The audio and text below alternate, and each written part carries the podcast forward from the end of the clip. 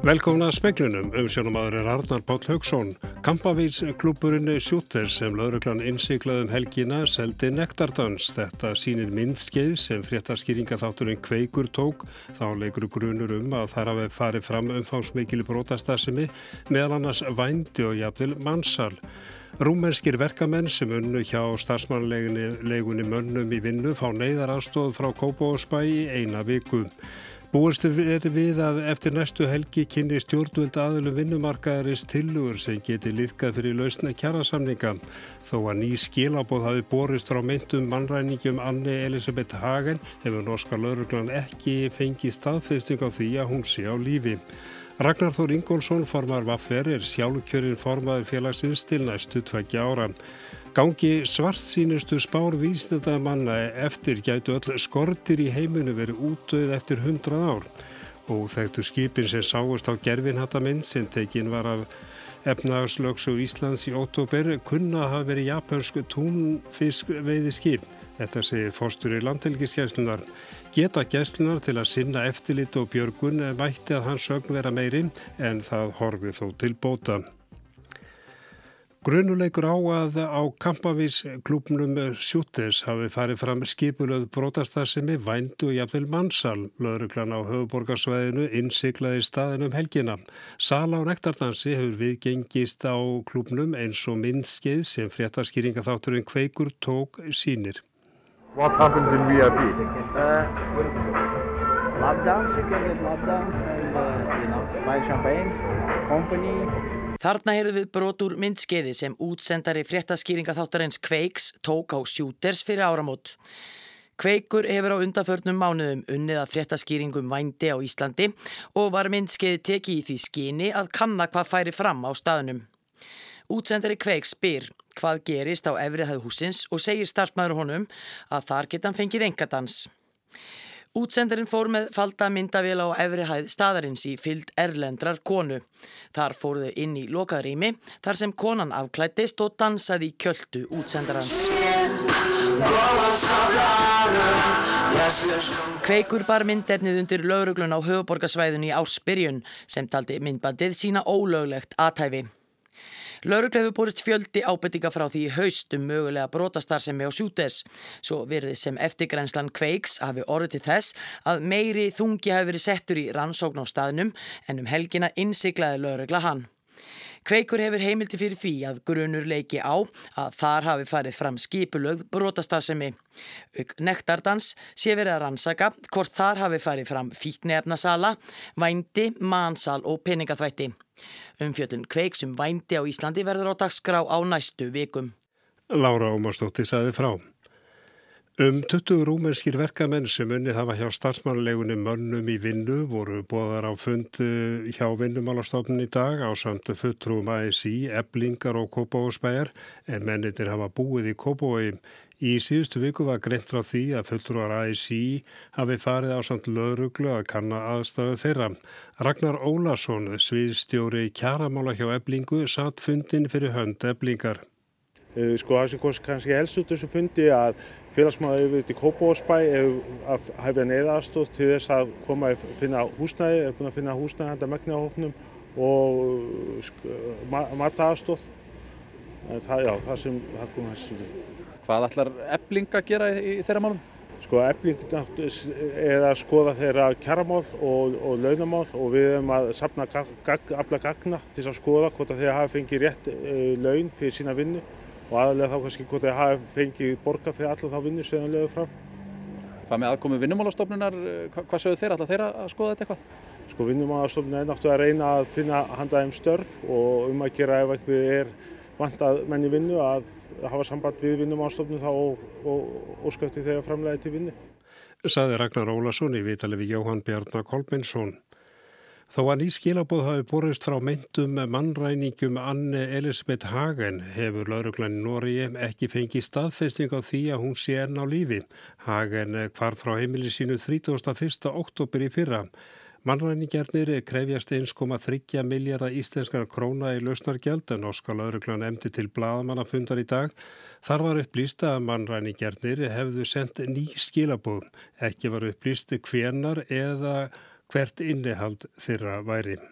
Det er eh, derimot i det nye budskapet ikke lagt fram bevis på at de som hevder å ha Anne Elisabeth Hagen, eh, faktisk har henne. Verken familien eller politiet har heller mottatt livsbevis. Í þessum skilabóðum eru engar sannanir fyrir því að þeir sem segist að var ænta hagan séu með hana í haldi.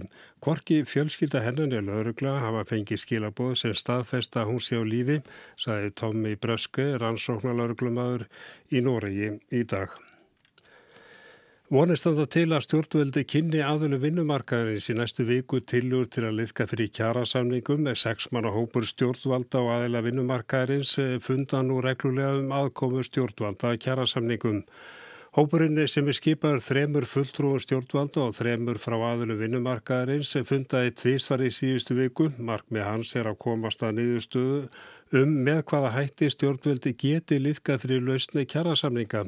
Yfirleitt hefur það verið svo að stjórnvöld hafa komið með yfirlýsingu í lók samningavirðana um aðgerðir sem þau eru tilbúin að stuðla að og krafa hefur verið um af hálfu verkefnisefingarinnar.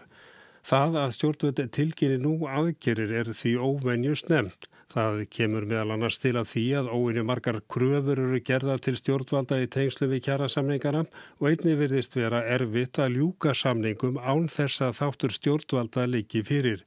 Veigamestu kröfur til stjórnvalda lúta skattamálum, húsnæðismálum, vöxtum og verðtryggingu og breytingum á bótakerfinum. Sexmannahópurinn fundar á morgun þar sem búast er við að skattamálinn verði meðal annars rætt. ASI hefur lagt fram tilur um fjögrað þreipa skattkerfi sem hefur ekki fengið mikinn hljómgrunn hjá stjórnvöldum að minnstakosti ekki af hálfu fjármálar á þeirra. Líklegast er að stjórnvöldi leggji til að skattar veri lækkar á þá tekjulagstum og að personafsláttur fari lækkandi með harri tekjum. Ragnar Þór Ingólfsson, formaði Vaffer, er sjálfkjörin til áframhaldandi formelsku félagsins til næstu tveggja ára, frambósfrestur rann út á hátegi og barust ekki önnu frambóð til formans. Ragnar segis mjög sáttur við að fá að halda áfram í tvö árað mistakosti og klára yfirstandandi viðræður um kjærasamningan. Næsti fundur í kjæraviðræðum Vaffer er á miðugudaginn. Ragnar segist hafa búist við mótframbóði og segist óhrættur við að leggja störf sín í dóm félagsmanna. Það sé eitthvað sem formir stjættafélagan eigi að gera reglulega. Ég átti, persónulega átti ég vona á uh, mótframbóði en, uh, en það var ekkert úr því þannig að ég, ég get svo sem ekki svarað um það frekar en, en en uh, þetta er bara niðurstaðan og hérna, ég er bara mjög sattu við það að, að mér sé treyst fyrir að, að leiða þetta áfram. Og það sé engin annar sem sjáu ástæði til þess að, að fara á mótið mér í, í, í þeirri vinnu. Þannig að ég er bara mjög sattur uh, við þá niðurstöðum Þetta var Ragnar Þór Ingólfsson Stjórnendur allra leikskóla Akureyrabæjar telja að börnin hafi og lítið rými sem geti kominir á þroska og líðan þeirra. Í brefi til bæjar yfirvalda er þess krafist að grípið verði tafalaust til aðgerða.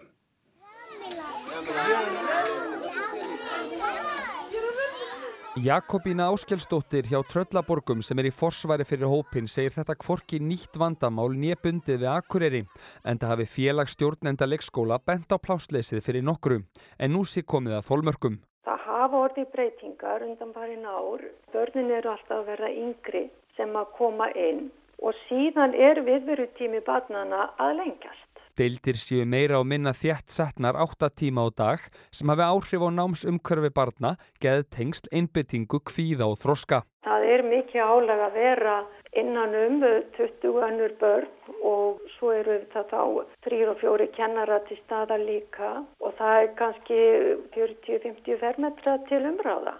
Samkvæmt reglugerð eiga sveitafélög og stjórnendur að meta hvað telst nægilegt rými. Leikskólastjórnarnir vilja að minnstakosti 3,5 fermetri sé ætlaður hverju barni inni á deilt. Jakobína segir að viðbröð bæjarins hafi verið góð og er unnið að lausni í samstarfi. Nýri leikskóli rýs á Akureyri á næstu árum en hún segir að bregðast þurfi við strax. Og svo vinna er bara þessum tölu orðum í gangi. Heldur að koma til grein að ég að taka færri börnin en ella til dæmis í höst? Það auðvitað væri það draumurinn að, að við gætum barnana vegna sem eru inni, inni hjá okkur haft eitthvað færri en auðvitað er líka Við þurfum að horfa á bygglista og sjá hver þörfin er. Þetta var Jakobina Áskelsdóttir í vitali við Jón Þór Kristjánsson. Guðni Áskilsson bergaði manni sem hafði fengið hjartáfall á hlaupastígi í Reykjavík með því að veit honu hjartanúð og stjórna aðgerðum á vettvangi. Fyrir þetta hlaut hann í dag titilinn Skindi hjálpamaður ásins 2018. Rauði krossi stendur fyrir þeirri árlegu viðurkenningu og segir í tilkynningu að Guðni hafi bröðist hárrétt við aðstæðum. Aðgerði hans þennan dag hafi verið til fyrirmyndar. Gangi svart sínustu spár vísindamanna eftir getu öll skortir í heiminu verið útöð eftir hundra ár. Það hefði gríðarlega áhrif á vistkerfið og allt dýralíf í heiminum. Fullikt er í nýri rannsókn sem nýlega byrtist í vísindatímaritinu Biological Conservation að 40% um allra skortýrategunda í heiminum fari mjög fækkandi og að þriðjungur allra skortýrategunda sé í útrýmingarhættu.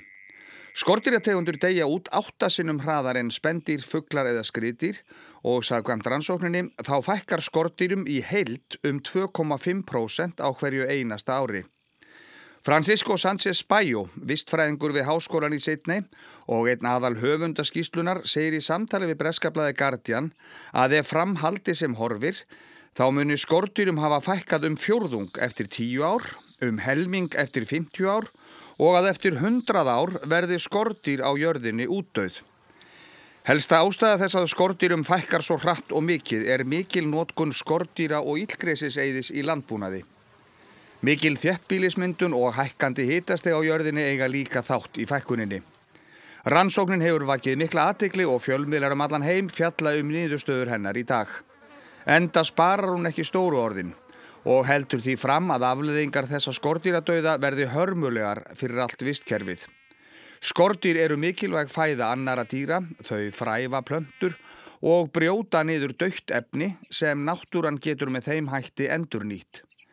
Vísindamennirnir sem standaði rannsókninni sem byrkt var í Biological Conservation söpnuðu og báru saman niðurstöður 73 rannsókna á fækkun skordýra víða um heiminn og komust að því að sama hvar borið er niður skortýrum fækkar allstaðar á ógnvekjandi hraða. Til að mynda hefur fyririldategundum í Breitlandi fækkað um tæplega 60% á aðeins nýju árum frá 2000 til 2009 og í bandaríkjónum hefur bíflugum fækkað um helming á síðustu 70 árum. 80% allra viltra plantna reyða sig á skortýr þegar kemur að fræfun og 60% allra fuggla nærast engöngu eða aðalega á skortýrum. Don Sands, skortýrafræðingur, segir í samtalið CNN að ein afleðing þess að skortýrum fækka svo hratt er að þar með verður tilvist ákveðina fugglategunda í hættu. Auk þess að hætta sér á að stórir fugglar byrja að ráðast á og geta smærri fuggla. Þetta megi þegar sjá í heimalandi hans Ástralíu. Francisco Sánchez Bayo segir að það sé ekki ástöðlausu sem höfundar skýslunar hafi ákveð að draga upp þessa svörtu mynd. Nauðsynlegt sé að vekja almenning til vitundar um hvað sé á segði. Um 80% lífmassa skortýra hafi horfið á umtabil 30 árum og því sé full ástæða til þess að hafa verulegar áhyggjur. Dave Goulson, professor við Sussex háskóla, tekur undir þessar áhyggjur í samtali við Guardian. Skortýr að svo mörgu leiti upphaf og endir alls og hvort sem okkur sé vel eða ítla við skordýrin, þá geti mannkinnið hreinlega ekki lifað án skordýra. Sanchez Bayo segir að heimurinn verði að grípa til drastískra aðgerða og breyta um stefnu í matvælafræðmiðslu. Yðunvæðing landbúnaðarins sé að ganga vistkerfinu dauðu. Draga þurfi stórkóslega úr nótkun ílgreisis og skordýræturs og nöðsynlegt sé að þróa sjálfbærri og vistvætni aðferðir í landbúnaði en nú sé gert eigi ekki ítla að fara. Og það var Jóhann Líðar Harðarsson sem tók þennan pistil saman.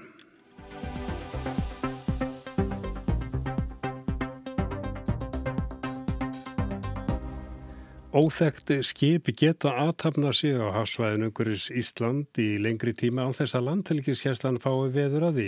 Þetta kemur fram í skýslu sem Gessland held fyrir þjóðara öryggisráð Íslands. Georg Lárusson, forstjóri Gesslunar, segir að skip sem sáast á gerfinhattamyndum innan efnaðarslögsu Íslands í oktober kunna að hafa verið japansk túnfisk veiðskip, rannsóknarskip eða herskip. Formaður skipstjónafélags Íslands segir félagsmenn meðvitað um að björguna geta Gesslunar sér takmörguð, þannig hafa það lengi verið.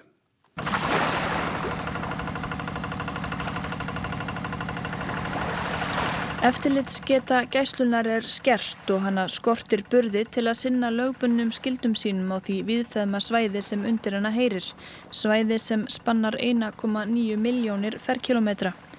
Fréttablaði vakti í morgun aðtegli á skýrslu sem nýlega var tekin fyrir í þjóðarörgisráði Íslands. Samkvæmt henni er eftirlitsgeta gæslunar skert og dæmum og óþægt skip geti aðtapnað sig innan íslenskrar lögsögu án vitundar gæslunar eða afskipta. Í skýslunni er minnst á gerfinattamynd sem tekin var í oktober. Þar sáust tíu puntar söðaustur á landinu. Hægt var að staðfesta að tveir þeirra væru skip sem ekki sáust í ferilvöktun. Ekki var hægt að fullir það um hina punktana átta. Kanski voru þeir skip, kanski rusl, kanski döður kvalur. Gæslan gæti ekki sendt flugvél sína TFC á svæði til að kanna málið þar sem hún var erlendis. Georg Lárusson, forstjóri landhelgisgeslunar, segir óljóst hversu mikið er um að óþægt skip sé að sníklast í íslenskri lögsögu. Já, nú vitum við ekki alveg nákvæmlega hvað er mikið um þetta, við teljum nú að það sé ekki mikið eh, við teljum að við höfum nú svona nokkuð góða sín á, á mest allt sem gerist en svona laga getur gerst. Eh, Þarna kunna hafa verið eh, jafnast túnfiskveiðskip, við vitum það ekki nákvæmlega. Það getur líka hafa verið rannsóknarskip á vegum erlendra ríkja og þau eru ekki skráði fyrir lögtunni okkur. Þetta getur að verið herskip annar ríkja líka sem ekki eru í fyrir lögtun. Þannig að það er svo sem ímsi möguleikar. En voru þessi skip þá vísveitandi að, að reyna að komast hjá því að þið tækjuð eftir þeim eða vantaði bara eitthvað upp á búnaðin? Er, sko það er erfitt um að segja. Ég, ég á síður vona því að þessi skip hafi vísveitandi verið að reyna að komast hjá eftirliti.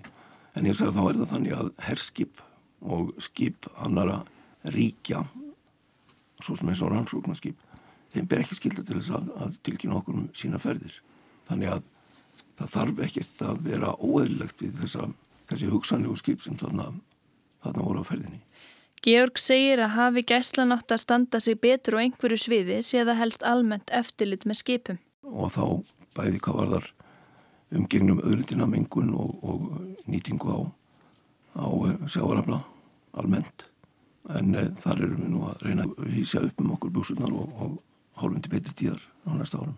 Já, af því að þið getið ekki fylst almennilega með því hérna hver er að nýta ölindirnar okkar eh, hefur ágjör á því að eftirlits skorturinn spyrjast út og einhverjir fari bara að mæta með trollin og fiska? Nei, ég held nú að við ættum nú að geta haft eftirlit með því og stukkað, stukkað slíkum um, skipum frá þannig ég hef ekki, ekki áhugjur því, nei. Gæslan þyrti að geta haft betra auga með öllum afkemum lögsugunar og leitar og björgunarsveðis Íslands en í ljósi stærðar þess séða all nokkur tandarvik. Og er eh, sjálfsagt ekki mögulegt að hafa þetta um, undir augum allt saman á hverjum tíma.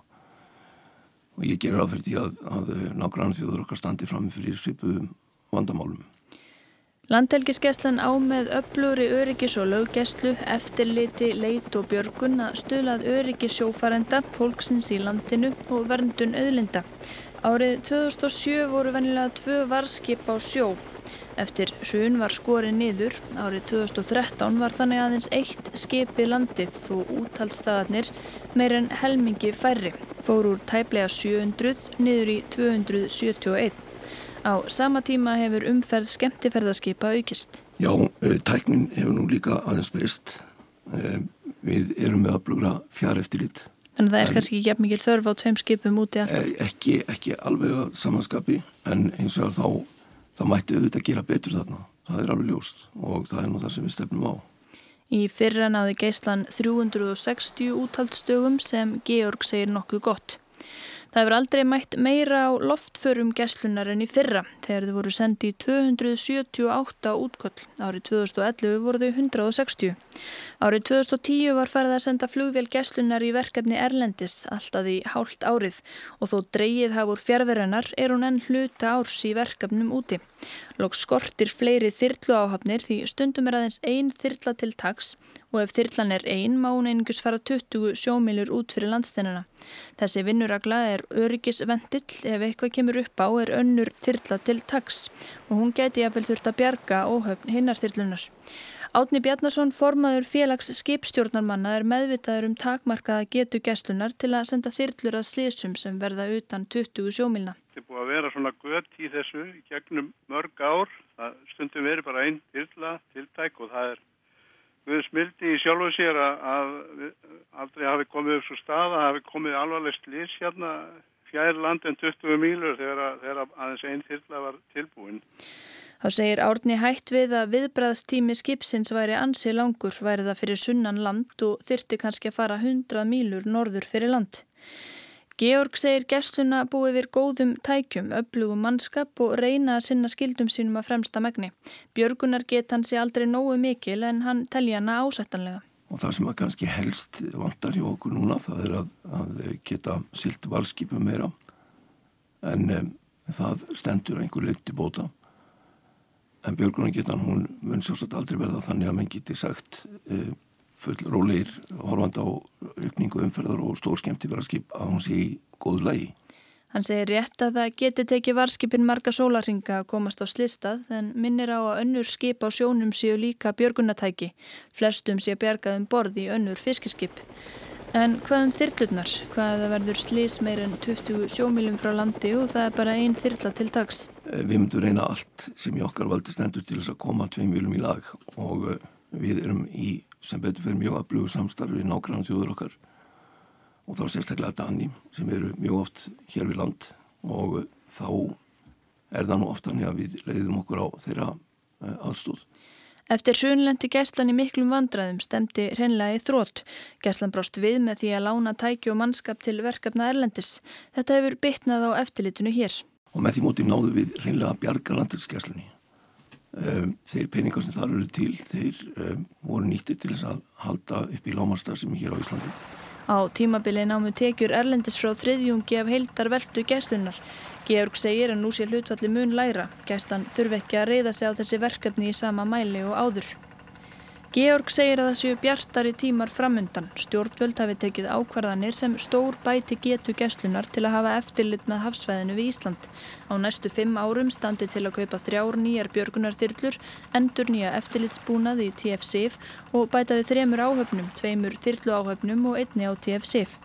Lóksegi gæslan vonaði að fá tvo eftirlitsstróna til landins í apríl, þeir koma frá siglinga öryggistofnun ESB og verða hér til reynslu í nokkra mánuði. Þannig allt hálfur þetta til bóta en eins og það var það rétt eins og staðan er akkurat í dag að þá vildu við gæsna geta gert meir. Það er orðin þörf á að bregðast við bæði hvað var þar björgunagetuna og eftirlisgetuna og, og það er, verður ekki annað síðan stjórnvöld bregðast vel og, og uh, duglega við því.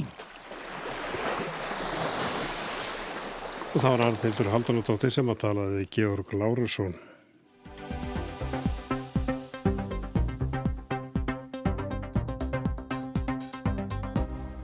Bandaríkin og Rúsland hafa sagt sig frá sangumlægi um meðaldragari kjarnorkuflugar frá 1987 og rússar hafa þegar tilkynnt um þróun á nýju eldflugakerfi. Óttast er að nýtt kjarnorkukaplöpi sé í uppsiklingum og að spenna aukist enn á melli Rúslands, annars vegar og Evrópu og Bandaríkjana hins vegar. Líklega verður výbúnaða kaplöpi þó sínu best í og við Kirrahaf. Russia has not unfortunately honored the agreement, so we're going to terminate the agreement, we're going to pull out. Donald Trump tilkynnti förstu daginn 1. februar að bandaríkinn hefðu sagt sig frá samningi sínum við Rúsland um takmörkun meðaldrægra kjarnorkuflöga. Trump hefur lengi líst óanægu með samningin og sagt að rússar hafi þverbrotið þetta samkómulega árum saman. Ásakanir um brot á samkómulæginu hafa reyndar gengið á víksl. Uppsögnin tekur þegar gildi en við tekur sex mánada aðlugunarferli sem líkur með því að bandaríkin eiga enga aðild að samkómulæginu nema svo ólíklega hefði viljað til að rúsar hefðu fallist á að eigða öllum kjarnorkuflaugum sem þjóðirnar hafa deiltum, skotpöllum og öllum öðrum búnaði sem flaugunum tengist. Til þess kom ekki en það tilkynnti Vladimir Putin degi síðar að Rúsland segði sig frá samkómalæginu líkt og bandaríkinn gerðu deginum áður. Putin hafði reyndar sagt árið 2007 að samningurinn þjónaði ekki lengur hagsmunum rúsa. Samningurinn um takmörkun á meðaldrægum kjarnorkuflögum var undirritaður árið 1987 eða skömmu eftir fund Ronalds Reagan og Mikhails Gorbachev í höfða í Reykjavík í oktober árið 1986. Minnstu munnaði að samkómulag næðist í höfða og Ronald Reagan var vonsveikinn þegar hann ávarpaði bandaríska hermenn og fjölskyldur þeirra á keflaugur rétt áður en hann helt á landi brott 12. oktober 1986.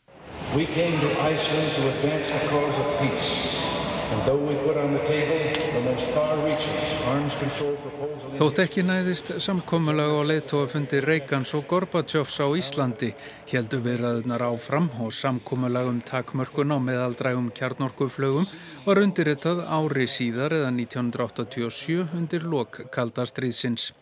Samningurinn þótti marka nokkur tímamóti í samskiptum stórveldana og vígbúnaðar kapplaupi þeirra en Rísaveldin hafðu þá haft uppi áformum að koma sér upp vopnabúri með meðaldrægum kjarnorkuflögum. Á þeim tíma hafðu rússar og bandaríkjaman staði fyrir gríðalegri uppbyggingu á skamdrægum og meðaldrægum eldflögum í Evrópu, bandaríkin í vesturhlutanum og rússar í austurhluta álfurnar. Flögarnar náðu til allra helstu höfuborga í Evrópu. Eftir að samningurinn gekk í gildi var 2700 eldflögum að þessari gerð grandað undir eftirliti sérfræðinga frá bandaríkjónum annarsvegar og Rúslandi hinsvegar. Samkómulæðið náði einungis til þeirra flugskeita sem skjóta má frá jörðunniðri en ekki þeim sem skotið er af lofti eða sjó. Bannið náði til flugskeita með drægni upp á 500 til 5500 kílometra. Mart hefur grafið undan þessum samningi á undanförnum árum og áratugum og ekki bara meint svik stórveldana tveggja sem undirrituðu samkómalagið. Þróun nýra vopna hefur verið mikil og ríki sem ekki voru stórveldi þegar samningurinn var undirritaður og því ekki bundin af samkómalaginu hafa komið sér upp meðaldrægum kjarnorkuflögum. Kína skiptir þar mestu máli. Margir telja að vopnabúr kínverja sé helsta ástæða þess að Donald Trump og bandaríkjastjórn hafa viljað segja upp samkómalaginu. Bandaríkin vilja hafa frjálsar hendur til þess að svara vopna uppbyggingu kínverja í og við Kirrahaf. Trump hefur sérstaklega nefnt Kína í þessu sambandi. Hann segir útilokað að bandaríkinn séu eina þjóð veraldar sem bundin sé af þessu samkómalagi. Rússar hafa einniga greint samkómalagið sem ná ekki til allara ríkja sem búi yfir meðaldrægum kjarnorkuflögum.